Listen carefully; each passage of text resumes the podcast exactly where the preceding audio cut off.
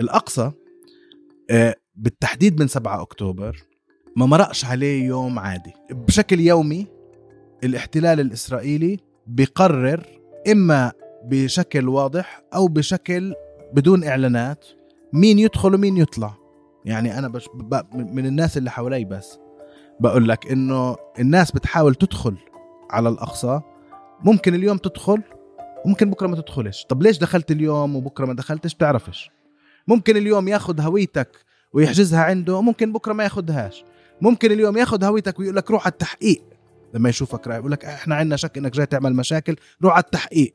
هذا عماله بيصير بشكل يومي ومتكرر ومستمر مش بس الجمعة على فكرة. يعني المشكلة مش مش بس بصلاة الجمعة. المشكلة بكل الصلوات في كل الأيام بشكل مستمر.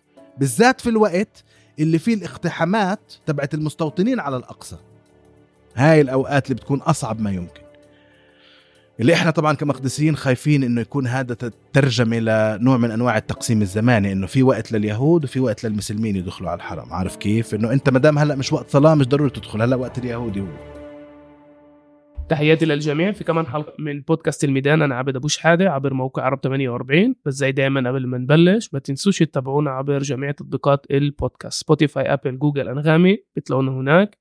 واليوم إحنا موجودين في حلقة ميدانية في البلد القديمة في القدس مع مدير مركز العمل المجتمعي والأستاذ الجامعي في جامعة القدس الأستاذ منير نسيبة. يعطيك العافية. أهلا يزيدك عافية. الأستاذ المحامي طبعا.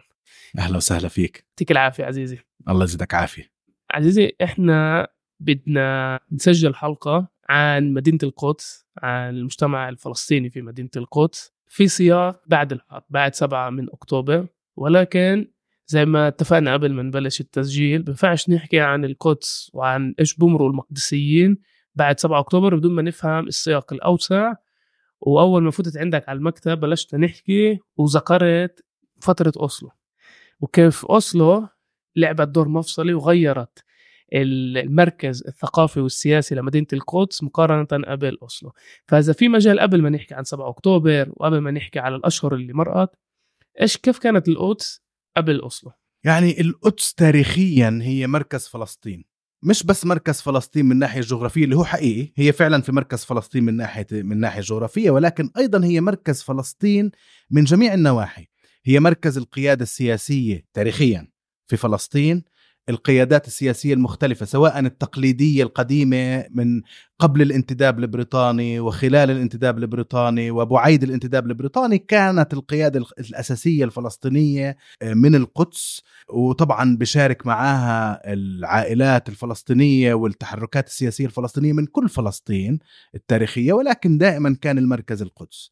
يعني خلينا نقول الجزء اللي أنا بوعاه مش بس بقرأه وبعرف عنه هو يعني من الثمانينات التسعينات لحديت أوسلو لحد اليوم. كانت القدس فعلا هي مركز النشاط الفكري في فلسطين ومركز النشاط السياسي في فلسطين قبل ما تصير عملية السلام هذه. كانت الأحزاب تجتمع في القدس الحركات تجتمع في القدس الجرايد في القدس مؤسسات العمل الأهلي المؤسسات المدنية المجتمع المدني كانت عادة يكون أغلبها مركزها في القدس.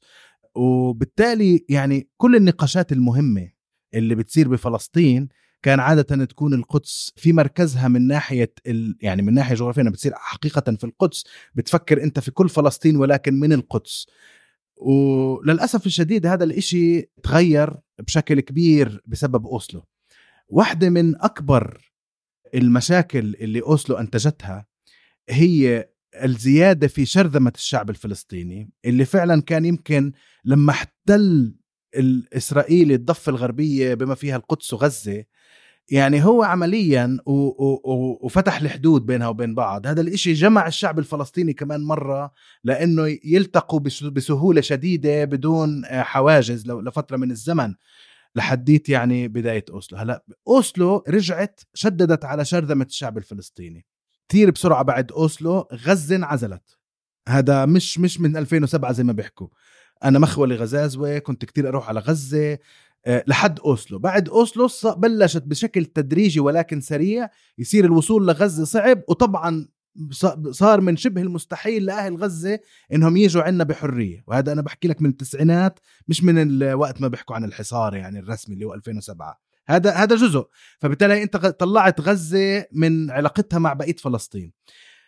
القدس نفسها اتحاصرت بجدران مع الوقت. طبعا مش دغري بعد أوسلو. دغري بعد أوسلو بلشنا نشوف الحواجز. وبلشنا نشوف إنك أنت بدك تصريح عشان تدخل على القدس. فبالتالي أي واحد من الضفة أو من غزة طبعا كان لازم بيحتاج تصريح ليدخل على القدس على القدس. وهذا الإشي صار بشكل برضه تصاعدي وتدريجي أصعب وأصعب.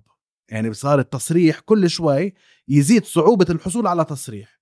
لحديت ما يعني في بداية الألفينيات بنوا الجدار. والجدار هذا صحيح حوط كتير من من الضفة الغربية ولكن بالنسبة للقدس هو حوطها بشكل صعب جدا. إذا بتلف في سيارتك حوالين يعني مدينة القدس رح تلاقي جدار طوله تسع أمتار أو ثمان أمتار جدار من ال من الكونكريت يعني من الإسمنت اللي فعلا انت حتى بتقدرش تشوف إيش في وراه على أي شقة من الشقات. هذا الإشي منع أهل الضفة من الوصول لهون. وخلى مركز كل شيء في الضفة مش في القدس. انتقلت وفعلا يعني السلطة مفروض على بشكل مؤقت لمدة خمس سنين إنها عملت عاصمتها المؤقتة في مدينة رام الله. هذا الإشي بلش في بداية التسعينيات ولكن هينا إحنا اليوم في 2023 24 ولا زالت ال- رام الله هي مركز كل شيء. اليوم رام الله هي اللي فيها ال ال الأحزاب هي اللي فيها منظمات المجتمع المدني هي فيها كل مؤسسات السلطة الفلسطينية آه، هي اللي فيها أغلب النشاطات الثقافية بشكل كتير أكبر من القدس المسارح ال- يعني هي مدينة حيوية فعلا وحلوة وأنا بحبها بس الإشي إنها استبدلت استبدلت مدينة القدس بكل هذا الإشي اللي حتى المواصلات يعني في قبل أوسلو كان إذا أنت بدك تروح من الخليل على نابلس ولا على رام الله لازم توقف في القدس وتغير المواصلة عشان توصل. هلأ القدس صارت برا ال... برا العين. ممنوع إنك توصلها. بدك تروح في طريق التفافي حوالين القدس عشان توصل على رام الله وتبدل من رام الله المواصلة عشان تروح على نابلس ولا على جنين ولا على كذا. ففعلا القدس صارت بعيدة عن عيون أهلنا في الضفة وعيون أهلنا في غزة. وبديش أقول صارت يعني ما صارتش بعيدة عن قلبهم ولكنها بعيدة عن عينهم وبعيدة عن حياتهم العملية. أنت عندك أجيال كاملة عمرها ما شافت القدس عمرها ما زارت الأقصى ولا زارت القيامة ولا زارت كل المعالم الحلوة اللي موجودة في مدينة القدس فضلا عن إنه يكون لها مصالح حيوية ويومية في مدينة القدس. إنها تقدر تيجي تشتغل تبيع تشتري تسوي. كله هذا هذا هذا العزل لمدينة القدس هو جزء كتير مهم من العمل الصهيوني المستمر في شرذمة شعبنا الفلسطيني لمجموعات مختلفة.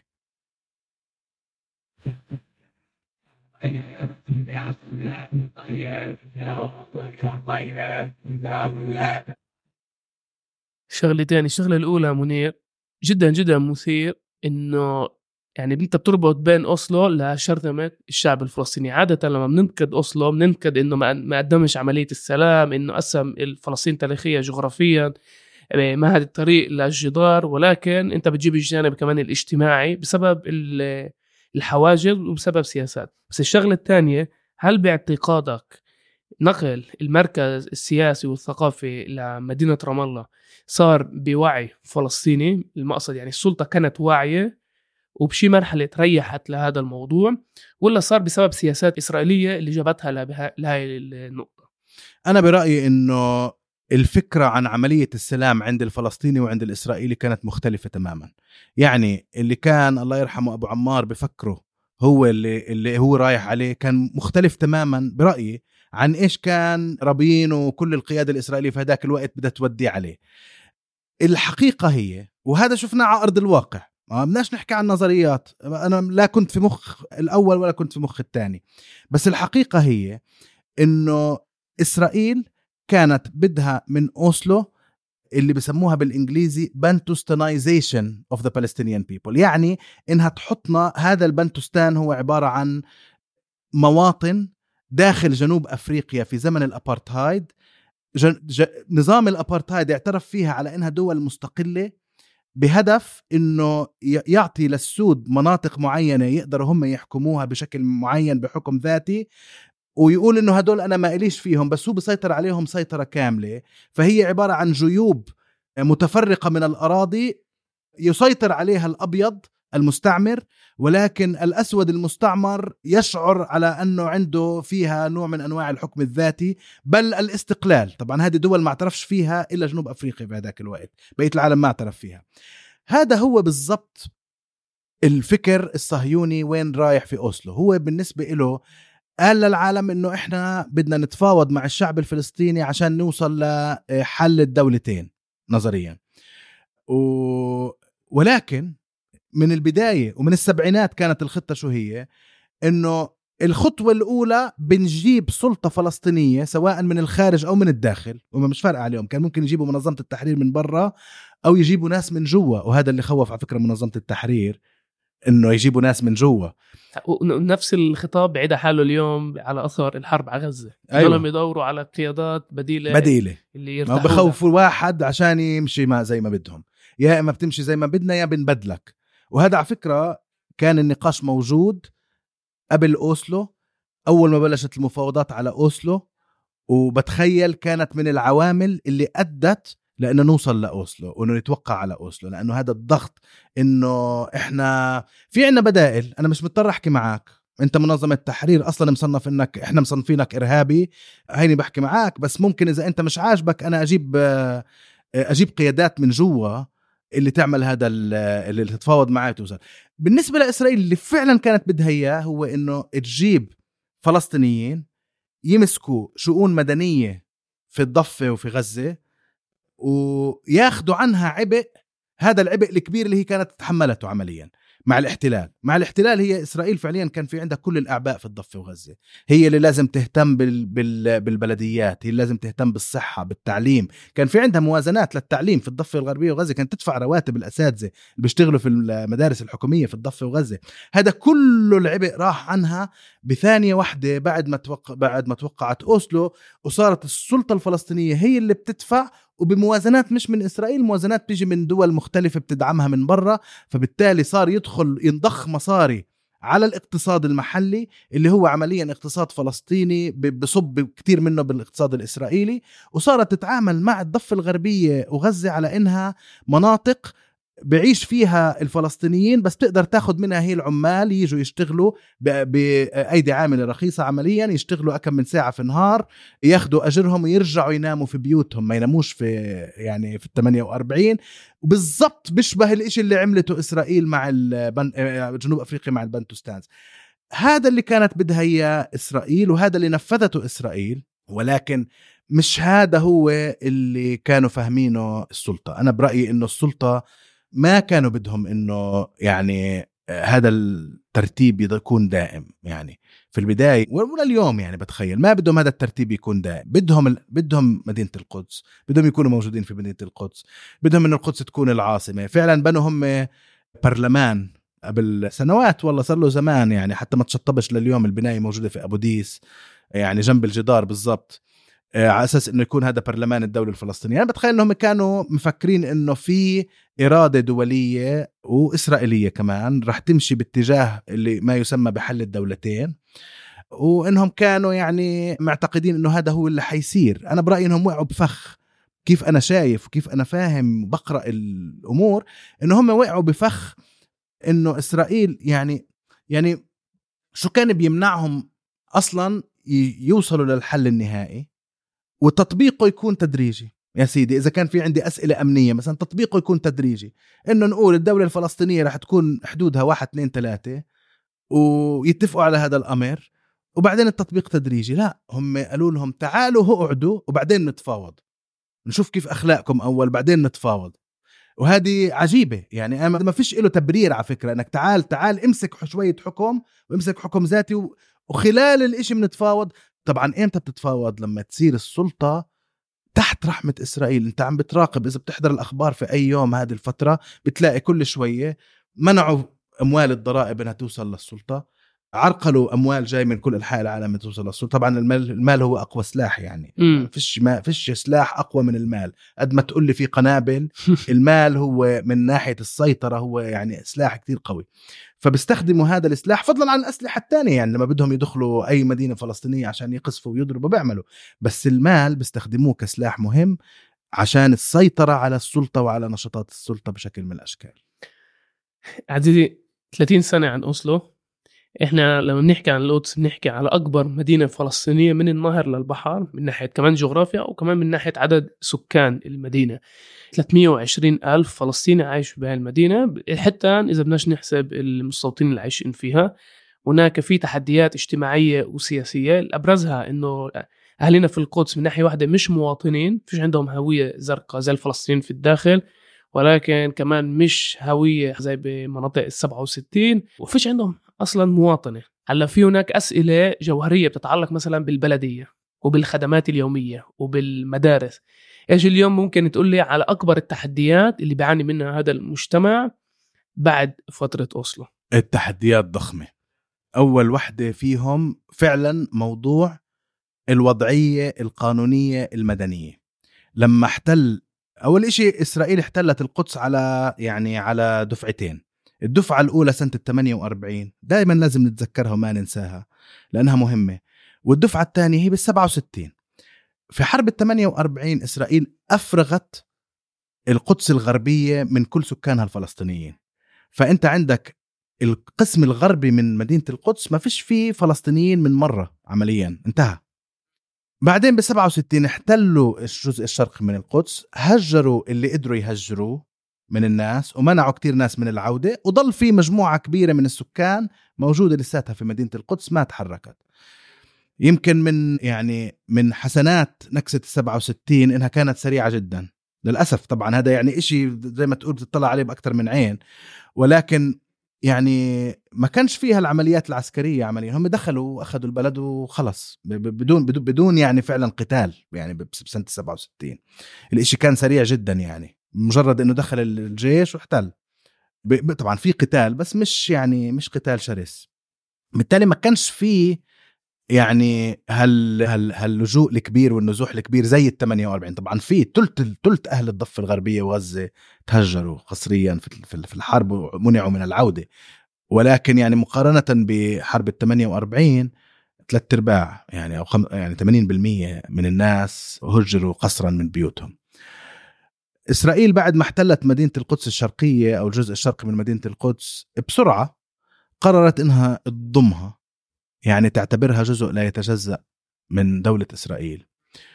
وقررت إنها يعني تتعامل بقية الضفة وغزة بشكل آخر تعتبرها مناطق بتديرها إسرائيل مش مش بتضمها. فبالتالي هي تعاملت مع الأرض اللي احتلتها في في 67 بشكل في تفرقة. قالت إنه القدس بنضمها. لما ضمت القدس طبقت القانون الإسرائيلي على القدس.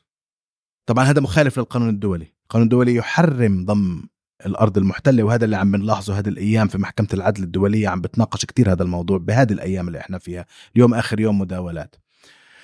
يحرم ضم الأرض المحتلة ولكن إسرائيل فعلا عملت هذا الشيء وضمت القدس وطبقت القانون الإسرائيلي على مدينة القدس.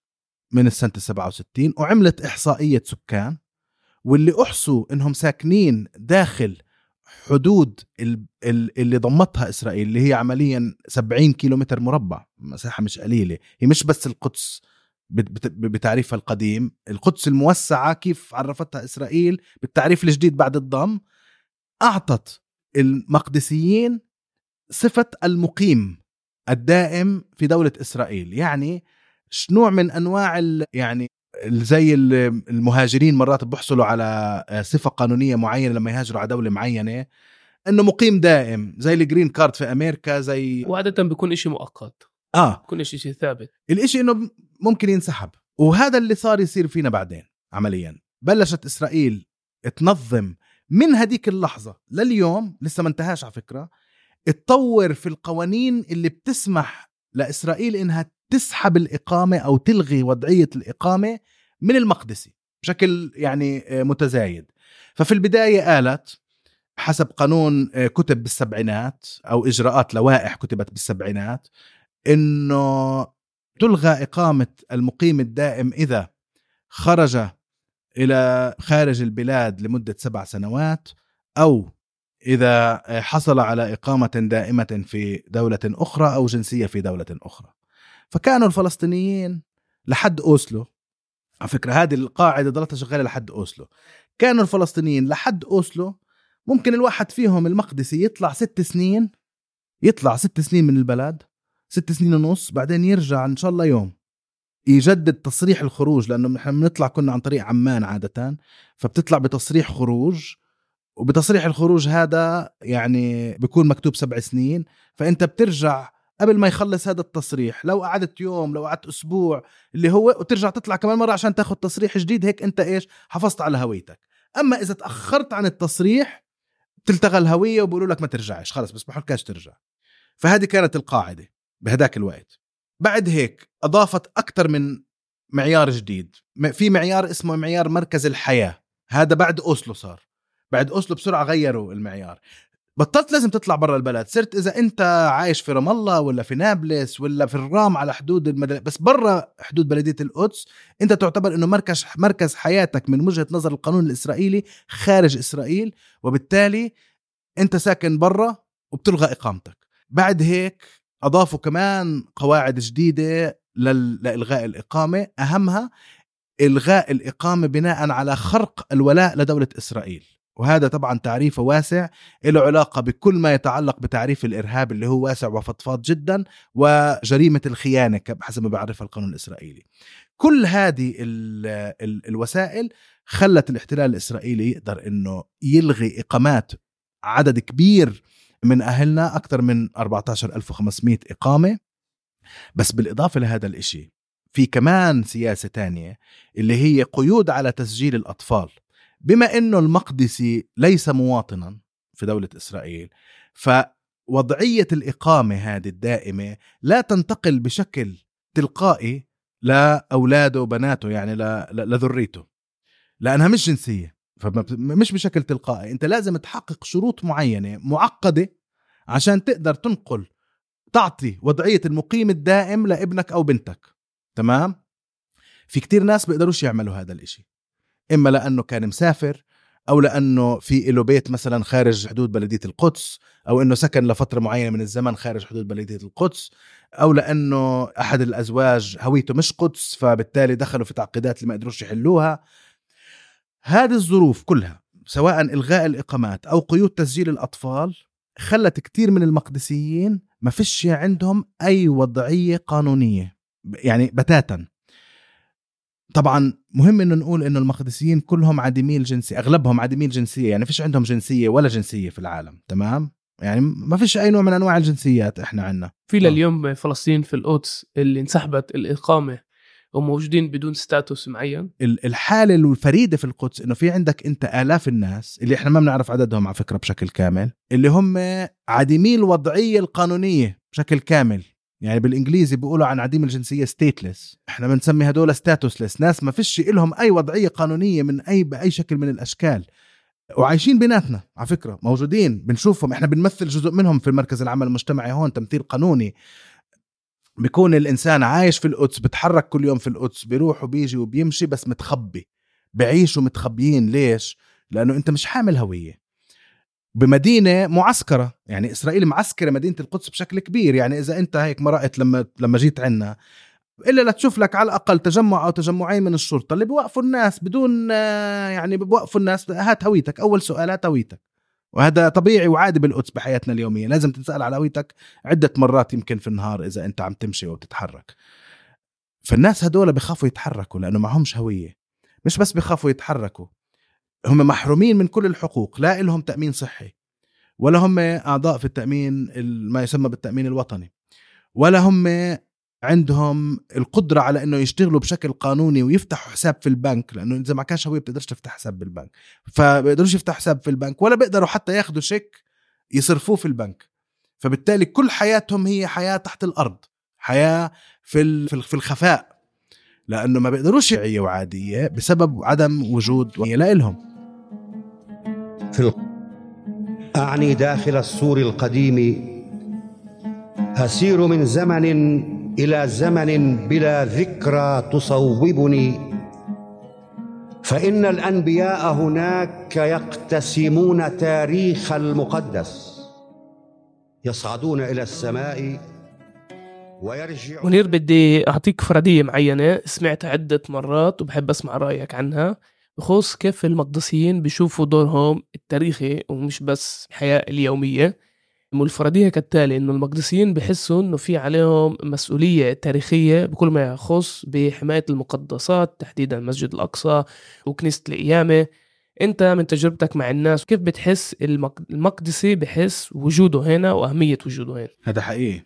هذا حقيقي. شوف ال- ال- المقدسيين بيشعروا في إنه هم موجودين وبيعرفوا مش بيشعروا بيعرفوا إنهم هم موجودين في محل فريد في العالم.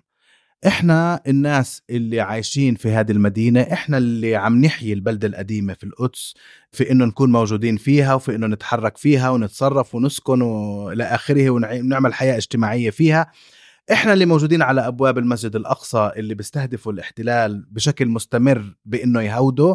وللأسف هذه الخطط أنا شايفها لقدام رح تكون أكثر كثافة وأكثر خطرا لأنه يعني المتدينين من من الصهاينة عمالهم باخذوا قوة أكبر وهذا رح ينعكس على التصرف الإسرائيلي في المسجد الأقصى بشكل أكبر وأكبر مع الوقت. والله يسترنا من رمضان القريب والله يسترنا من كل الرمضانات الجاية. بس فعلا في أحكي لك شغلة. أنا شخصي أنا أنا مقدسي وعايش طول عمري في القدس. بس لا زلت بنبهر في أهل هذه المدينة في مناسبات كتيرة. يمكن أكثر مناسبة انبهرت فيها وبرأيي إنها مش كتير أخذت تغطية كافية على الرغم من إنها برأيي من المعجزات يعني. هي الاعتصامات بوابات الأقصى سنة 2017 هذه الاعتصامات يا أخي مش مفهومة. أنا أنا مش فاهمها. مم. وهي صدفة إني أنا اضطريت أسافر في هذاك الوقت كان عرسي. هلأ الاحتلال الإسرائيلي أغلق بوابات المسجد الأقصى قبل عرسي بيوم وأغلق البلدة القديمة كلها. وبعدين فأنا طلعت على شهر عسل عمليا وبالتالي راحت علي إني أشهد كثير من الأشياء المهمة اللي صارت في القدس. ولكن يعني قدرت إني أرجع وأحكي مع ناس كثير شاركت فيها. زعلان إني ما قدرتش أشارك فيها على فكرة. بس بقول لك المقدسيين بدون تنظيم هلأ التنظيم في القدس يعني ممنوع بشكل عام. ال- ال- ال- التجمهر صعب كتير. السلطة الفلسطينية ممنوع تكون موجودة بشكل قانوني حسب القانون الإسرائيلي وأي ظهور لإلها يقمع. في كتير منظمات مجتمع مدني أغلقت في مدينة القدس. وإذا بدنا نسوي ندوة في القدس لازم نفكر مئة مرة كيف بدنا نسوي هذه الندوة ونحاول قد ما بنقدر نضمن إنه هاد ما يجيش الشرطة والمخابرات تسكر الندوة أو ال- ال- الشيء اللي إحنا عمالنا بننظمه وتطرد الناس. وهذا بالوضع الطبيعي يعني بدون علاقة ل 7 أكتوبر. بدون علاقة بأي شيء اللي استغربته كيف بسنة ال 2017 الناس اللي ما تنظمت بشكل معين ولا موجودة في أي إطار لا هي إطار حزبي ولا هي في إطار آه، يعني.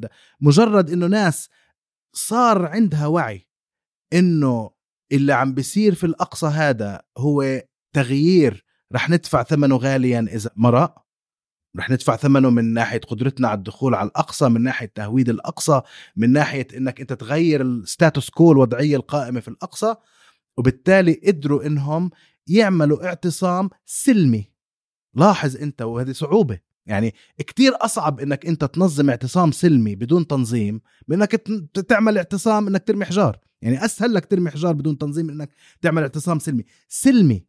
ومش بس إنه كان سلمي الناس اللي كانوا قاعدين في هذا الاعتصام كانوا واعيين إنه ممنوع ترمي صرارة أو قنينة مي أو أي إشي على الشرطة. شغلنا هون إنه بدنا نقعد وبدنا نصلي بشوارع البلدة القديمة حوالين المسجد الأقصى وما نسمحش للشرطة الإسرائيلية إنها تجرنا لأي عمل ممكن يفسر على إنه عنف. مش عارف كيف هذا الوعي صار فعلا. بس إشي رائع. يعني وبرأيي إنه اللي صار بهداك الوقت هو من أهم الانتصارات اللي حصل عليها الشعب الفلسطيني بتاريخه. تعرف ليش؟ لأنه كان انتصار بدون تقديم أي تنازلات. بكل بساطة إسرائيل قالت بدي أحط بوابات حديدية وإلكترونية على بوابات المسجد الأقصى. الناس قالت لا بندخلش المسجد من خلال بوابات حديدية. صاروا بعدين يحاولوا يلاقوا حلول. طب بنفتح هاي البوابة وبنسكر البوابة الفلانية. بتدخلوا بس من هاي لا بدكم تفتحوا كل البوابات. ندخلش إلا من كل البوابات. يعني قدروا إنهم فعلا بشكل تلقائي إنهم يفرضوا شروطهم على الجميع. على الجميع على كل السلطات مش بس على الاحتلال الإسرائيلي. ونجحوا بإنهم يعني يفلتوا المسجد الأقصى من تغيير كان ممكن يكون مصيبة خصوصا إنه إحنا بنعرف شو صار في الخليل وفي الحرم الإبراهيمي والتغييرات اللي صارت هناك.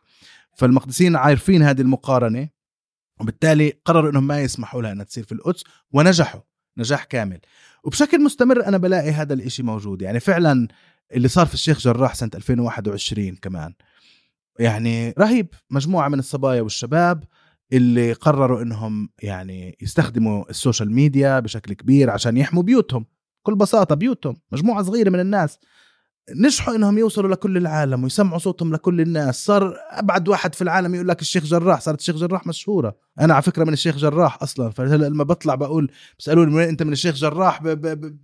بيعتبروني بطل. فعلا يعني. يعني ف هذا الإشي يعني في طاقة بالقدس. فعلا أهل القدس بيعرفوا إنه إلهم دور بالرغم من كل التضييقات بيعرفوا. أقول لك شغلة في عندنا كمان نوع من أنواع المقاومة اللي هي السلبية إنك أنت في تمتنع عن القيام بإيش؟ بكرة بكرة. انتخابات البلديات مزبوط؟ المقدسيين تاريخيا قاطعوا هذه الانتخابات. أنا متوقع إنه بكرة مش رح يتغير إشي مع إنه في قائمة هلأ منزلة حالها في الانتخابات يترأسها سيدة فلسطينية اللي بتقول للناس اتركوا المقاطعة وتعالوا صوتوا لي عشان بدي أجيب لكم شوية حقوق بدي أشتغل على الميزانيات بدي أشتغل على كذا بدي أشتغل على كذا فهي عمالها بتوعد الناس بوعود وبتخيل إنها بعرفش إذا هي عن جد متفائلة إنه الناس تصوت لها ولا لا ولكن هذا الديناميك هلأ موجود في القدس في سيدة مع مش مش لحالها هي ترأس القائمة ولكن في معاها مجموعة من الفلسطينيين ومجموعة من الإسرائيليين اليهود كمان في نفس القائمة وعمالها بتحاول تدعي الناس إنهم يصوتوا لها بشكل وتعمل دعاية وعلى كل وسائل التواصل الاجتماعي بتشوفها وبتدخل على مجموعات ال ال النقاشات المختلفة. بكرة الامتحان وعند الامتحان يكرم المرء أو يهان. وأنا بتخيل إنه زي ما قبل أربع سنين برضو المقدسيين ما صوتوش لما طلع واحد برضو من القدس رشح حاله للانتخابات البلدية وقال لهم أنا بدي أكسر الحواجز بدي أكسر التابو بدي أكسر المش عارف إيش. وتعالوا صوتوا عشان حقوقكم وعشان وعشان الوعودات هذه إنه تحس إنه بدهم يحرروا فلسطين يعني من انتخابات البلدية. أنا بتخيل إنه هذا الموضوع رح يكون كمان هلأ نفس الشيء في هاي الانتخابات بكرة رح تصير بكرة بنشهد. تخيل المقدسيين لن يصوتوا مش رح يروحوا لا يدوروا على صناديق ولا ولا يصوتوا ولا يفكروا في الموضوع. بتخيل في وعي لساته موجود في القدس على إنه هذا الاحتلال ومؤسساته ما يعني يصعب إصلاحهم لا بانتخابات ولا بكل هذا الكلام. آسف على الإزعاج ملاحظة صغيرة وراجعين على الحلقة. بحب أذكركم بس ما تنسوا تطبيق موقع عرب 48 مش بس وصلكم الأخبار؟ وصلكم كمان كل الحلقات لمشروع البودكاست في موقع عرب 48 في تعريف الحلقة راح يكون روابط مباشرة كمان للآي أو إس وكمان للأندرويد. يسهل عليكم تنزيل التطبيق. طيب عزيزي بدي نضطر لمدينة القدس ما بعد سبعة من أكتوبر. بس مهم كمان نحكي عن إيش كان في مدينة القدس قبل سبعة من أكتوبر. كل محاولة آه، تهويد مسجد الأقصى اقتحام المستوطنين الاعتداء على الرهبان اعتداء على الحجاج المسيحية المسيحية العرب والمسيحية الغير عرب يعني واضح صعود اليمين الفاشي بالمجتمع الإسرائيلي بيأثر كمان على قوة المستوطنين في مدينة القدس تحديدا كيف اليمين الفاشي بيستغل الإبادة بغزة وبيستغل الحرب لتحقيق أهداف سياسية إيديولوجية كل ما يتعلق في تهويد المكان. فأنت كيف شايف الظروف ما بعد 7 من أكتوبر؟ يعني شوف كمان مرة التطور السياسي الداخلي الإسرائيلي عماله بينعكس بأشكال مختلفة. أهم انعكاس بنشوفه هو التمكين الذي يحصل عليه المتدينون الصهاينة في آه، النظام السياسي والقانون الإسرائيلي. هذا التمكين بيعني إنه هم بيقدروا إنهم يفلتوا من العقاب بيقدروا إنهم يخططوا لا يعني الزيادة من تسليح ال ال الناس بشكل أكبر وأكبر وأكبر وبيقدروا كمان إنهم يزدروا أبناء الديانات الأخرى سواء المسلمين أو المسيحيين. بدون ما يتعاقبوا وبدون ما وحتى يدافع عنهم. يعني انت بتشوف كيف بن كفير لما كانوا يعني يعتدوا بالإهانة على الرهبان ورجال الدين المسيحي في مدينة القدس هو كان يقول هو وغيره مش لحاله طبعا بس هو كوزير يقولوا آه ما هي هذه عادة موجودة أصلا هذا عرف يهودي إنه إحنا بنتف على مش عارف إيش شو شو هالعرف اللي أنت عم بتدافع عنه؟ يعني إشي عجب. فعرق الحياة والخجل مش موجود عندهم هدول الناس لأنهم بيأمنوا فعلا ومن من من أعماق قلبهم إنهم عمالهم يعني بيأدوا رسالة سماوية. هو الفرق بين الصهيوني المتدين والصهيوني المش متدين. هو إنه الصهيوني المش متدين بيأمنش بالله بس بيأمن إنه الله أعطاه الأرض كرمزية. إنه الله أعطاني فلسطين هذه إسرائيل إلي بس إنه يعني بشوفها بشكل تاريخي هيك وحضاري يمكن وبعرفش كيف.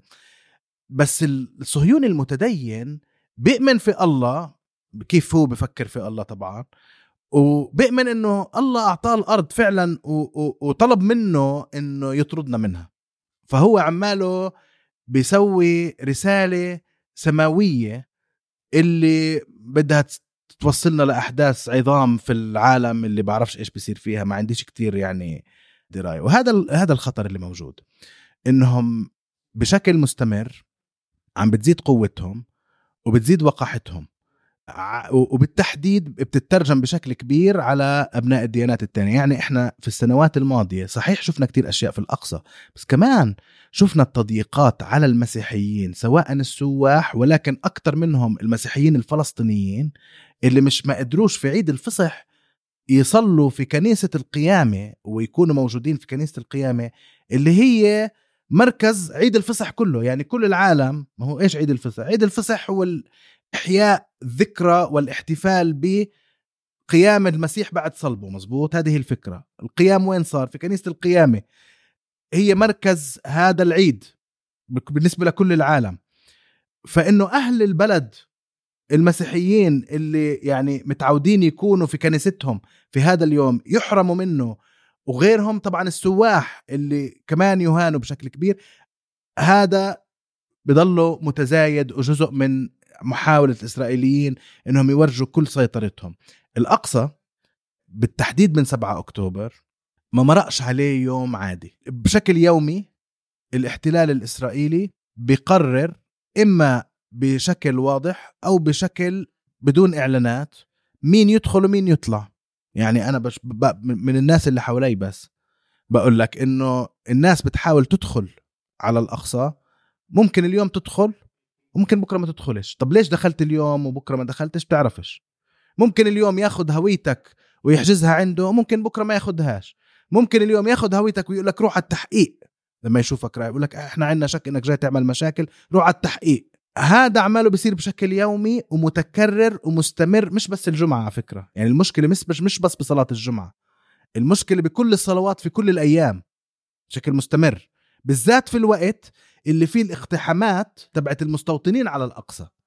هاي الأوقات اللي بتكون أصعب ما يمكن. اللي إحنا طبعا كمقدسيين خايفين إنه يكون هذا ترجمة لنوع من أنواع التقسيم الزماني إنه في وقت لليهود وفي وقت للمسلمين يدخلوا على الحرم. عارف كيف؟ إنه أنت ما دام هلأ مش وقت صلاة مش ضروري تدخل هلأ وقت اليهودي هو. فهذا الإشي إحنا كثير بخوفنا لأنه تغيير لستاتوس كو للمسجد الأقصى. طبعا هم بلشوا يستبقوا رمضان قبل بشهر. يحكوا عن إجراءات إدخال الناس على رمضان يعني عادة بتذكرش في حياتي أنا ما بتذكر يمكن أكون بعرفش بس بتذكرش في حياتي إنه كان في مرة بلشوا قبل بشهر من رمضان يحكوا مين بيقدر يدخل وانو أعمار تقدر تدخل. عادة يعني بدخل رمضان بيجي كذا بقولوا أوكي حنسمح للأعمار الفلانية تدخل من الضفة أو من غزة أو من هون أو من هون. هيك بس هلأ بلشوا قبل بشهر يحكوا. برأيي بدهم يستفزوا الناس. أنا أنا شايف ان هم بدهم يستفزوا المقدسيين وبدهم يستفزوا المسلمين بشكل عام في كل أنحاء العالم مش بس بفلسطين. بدهمش الحرب هذه تهدى بدهمش وقف إطلاق نار بدهم يعني برأيي في عندهم أهداف كتير أوسع من بس الأقصى في هذا الموضوع بالتحديد. ولكن الأقصى موجود على رأس أولوياتهم رح يضلهم يشتغلوا فيه رح يضلهم يحاولوا إنهم ينتهكوا الوضع القائم فيه وقدسيته عند المسلمين ورح يضلهم يحاولوا يهودوه بشكل مستمر إلا إذا كان في ردات فعل مناسبة من العالم على هذا الإشي. حتى يفهم القاصي والداني والبعيد والقريب. واللي بيشمر عن أزرعه أو بيشمر عن جرافاته.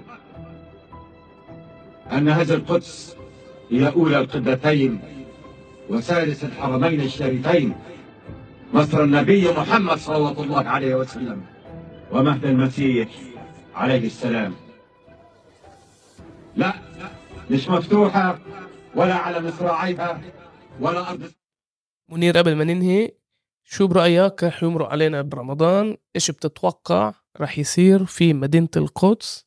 على أثر تصرف الحكومة الإسرائيلية كمان بالإبادة على غزة وكمان محاولة تقييد المسلمين من وصول مسجد الأقصى. صعب إني أتكهن لأني ش... ال... بدي أحكي لك شغلة. الناس قمعت من 7 أكتوبر بشكل كبير. يمكن هذا الشيء حتى إحنا ما حكيناش عنه لسه. من أول 7 أكتوبر لليوم إسرائيل حاطة هذه الحواجز المختلفة اللي بتوقف الناس بتعتدي عليهم ضربوا ناس بدون سبب أمروا الناس إنهم يفتحوا هواتفهم عشان يشوفها الشرطي ويتفرج في شيء جواتها وفي بعض الأحيان استخدم العنف أو اعتقل أو عمل. اللي دخلوا السجن من 7 أكتوبر تعذبوا تعذيب شديد فبالتالي تجربتهم حتى مختلفة عن تجارب اللي دخلوا السجن قبل 7 أكتوبر. يعني كل الوقاء والقمع اللي موجود في القدس بعد 7 أكتوبر مرعب. وهذا الإشي بيترجم ببعض الأشكال على الأرض. يعني مثلا قبل عدة سنوات الشباب المقدسيين أصروا إنهم يقعدوا على درجات باب العمود. آه؟ لحديت ما اضطر الاحتلال إنه يسمح لهم يقعدوا على درجات باب العمود. بعد ما كان هيك بس بده يقرر إنه ممنوع تقعد على درجات باب العمود. بعد 7 أكتوبر من دغري منعوا أي حدا يقعد على درجات باب العمود. بس هي تحديدا كيف بتفسرها؟ إيش المشكلة إنه في ناس بيجي بتقعد على أبواب أو دراجات باب العمود. إيش الإشكالية من منظور اسرائيلي ليش شايفينها تهديد إنه ناس؟ في كمان حجات وفي كمان ولاد صغار في كمان يعني مسنين. إيش المشكلة هنا؟ فيش مشكلة هي بس تعليمة. هي بس إنه ناس عم تقعد. هي هتعرف شغل عصابات الجريمة. إنه هيك هيك بيتصرفوا بدي أعلم آه، عليك بديش بديش منك. هم شعروا إنه إح... إنه إحنا علمنا عليهم في الماضي. عمليا إنه شبابنا الصغار اللي عمرهم 16 17 سنة لما ضلهم. يحتكوا معاهم عشان يعني يفرضوا طبعا عشان أحكي لك قصه القعده على درجات باب العمود هذه شغلة أنا بعرفها من وأنا صغير درجات باب العمود هي من المحلات اللي إحنا بنحب نقعد عليهم المقدسيين بشكل عام ممكن تقعد بس. تجيب لك فنجان قهوة وتتفرج على الرايح والجاي تصفن ولكن في أيام الأعياد والمناسبات زي رمضان زي العيد زي الوقفات زي كل الأعياد يعني بيكون في أهمية أكبر من هيك لأنه الناس بتتجمع بصير في بياعين بصير في بعرفش إيش فبصير في إشي اجتماعي هون حلو إشي اجتماعي حلو. إذا الشرطة بتبعد عنه بيكون هذا الإشي الاجتماعي ما ما ما ولا بيعمل مشاكل على فكرة يعني. ولكن هم خلص قرروا بمرحلة مراحل اسمع بدناش إحنا حدا يقعد درجات باب العمود وحاولوا إنهم يفرضوا هذا ال- الواقع. فشلوا قبل سنتين و... ولقوا إنه هذا الفشل هلأ اليوم بدهم يحاولوا يصلحوه. ما بقول لك معنا وقت إحنا. بعد 7 أكتوبر رجعوا منعوه رح يرجعوا يحاولوا يمنعوه في في رمضان. وواضح إنهم رح يقيدوا كتير الصلاة في رمضان. هلأ هل الناس رح تتفاعل بشكل يعني في نوع من أنواع المقاومة ولا لأ؟ هذا سؤال بتخيل ميداني ما بقدر أجاوب عليه لسه لأنه ما بعرفش جوابه. رح يبين معانا قريبا لأنه في فعلا في قوة كامنة في في ال- في الشعب الفلسطيني في القدس. بتظهر في أوقات معينة وبتختفي بأوقات تانية على فكرة. يعني مش إنه إحنا ولا طول نهارنا في المظاهرات على فكرة يعني. الناس بشكل عام ما اللي هي في في حياتها ما اللي هي في أعمال مختلفة. طبعا في عندنا نضال كبير في القدس يومي اللي بي اللي هو عادة بترجم كتير بأشكال اجتماعية بأنك أنت تمكن شعبك تشتغل مع شعبك تعلم تسوي هذا كله في وعي لأنه كله هذا جزء من يعني ال- النضال المستمر في القدس مش النضال يعني ولكن الأشكال الثانية من التظاهر والإحتجاجات والكذا بتظهر بين فترة وفترة وبتختفي. فبتخيل يعني رح نشوف شو رح يصير برمضان وبعد هيك. أنا باعتقادي هاي نقطة قوة عندنا دي الشعب الفلسطيني إنه بيفاجئ آه ما آه حدش ما حدش توقع الانتفاضة الأولى ولا الانتفاضة الثانية بس بنفاجئ.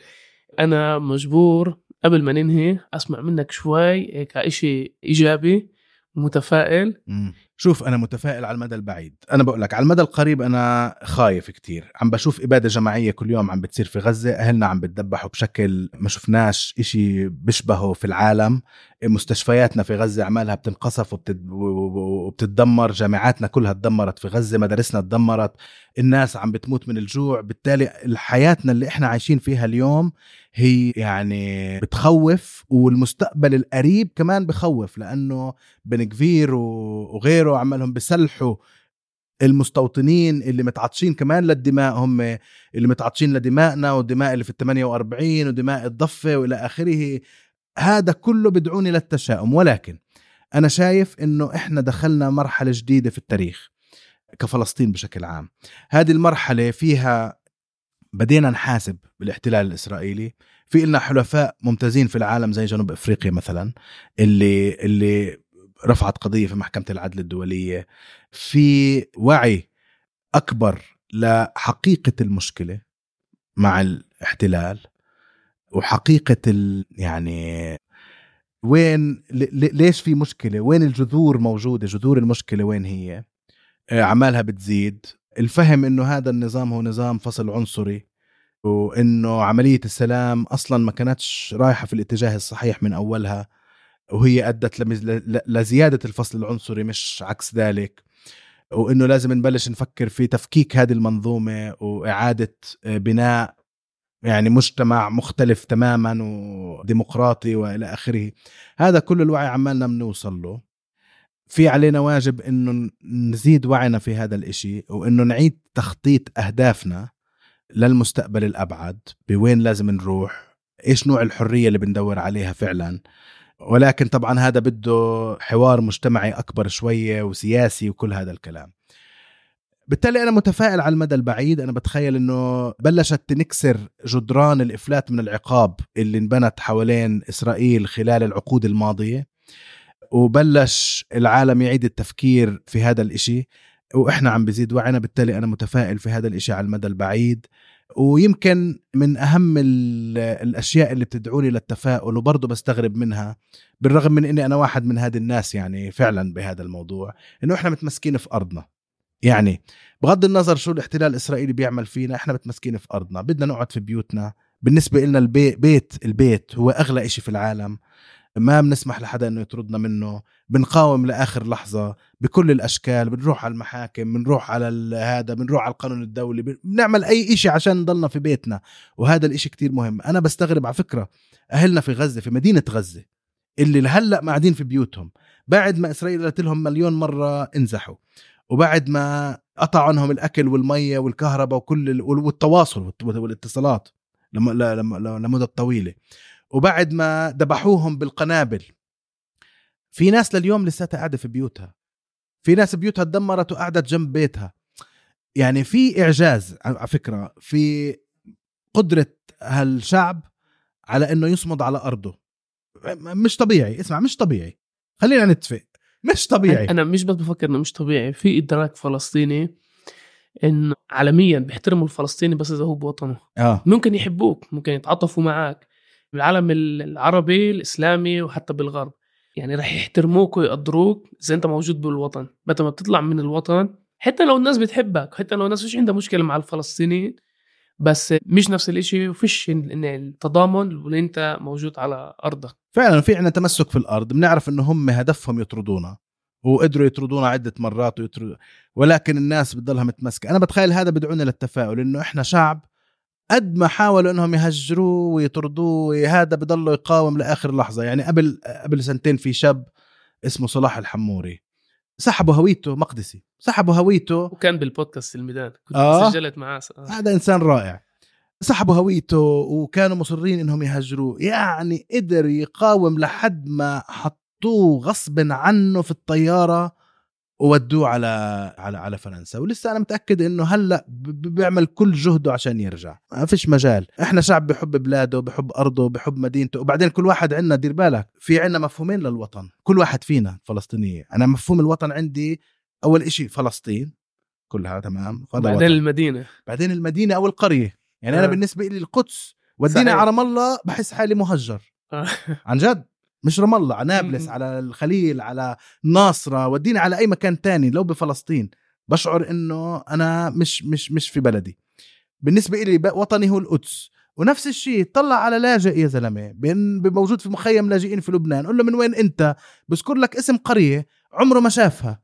آه. عارف كيف؟ وحتى الناس اللي هلأ عايشة في قراها في ارتباط بينها وبين القرى وبينها وبين المدن. في عنا هذا الإشي اللوكل أنا ب- مش أنا ب- بلدي هي هذه القرية وهذه المدينة وهذه وهذه الحارة وهذه الكذا. خلص هذا عادة بيميز سكان الأرض الأصليين. صحيح. حتى لو بغياب مفاهيم سياسية وطنية حديثة بمفهوم الدولة الحديثة بس في علاقة مباشرة بينك وبين الأرض. الجذور. الجذور. في جذور آه. في شروش الأستاذ منير نسيبة مدير المركز العمل المجتمعي في مدينة القدس. شكرا شكرا. عوضك شكرا على الاستضافة بهذا المبنى الرهيب. يعطيك العافية. شكرا لك شرفتني شرفتني كتير وسعيد بالحوار معك. يعطيك شكرا العافية جزيلا. عزيزي. أهلا وسهلا. وهي كانت كمان حلقة من بودكاست الميدان بس زي دايما ما تنسوش تتابعونا عبر جميع تطبيقات البودكاست Spotify Apple Google انغامي بتلاقونا هناك. وطبعا إذا عندكم أي ملاحظة ممكن تتواصلوا معي عبر الرابط الإلكتروني اللي مرفق في تعريف الحلقة.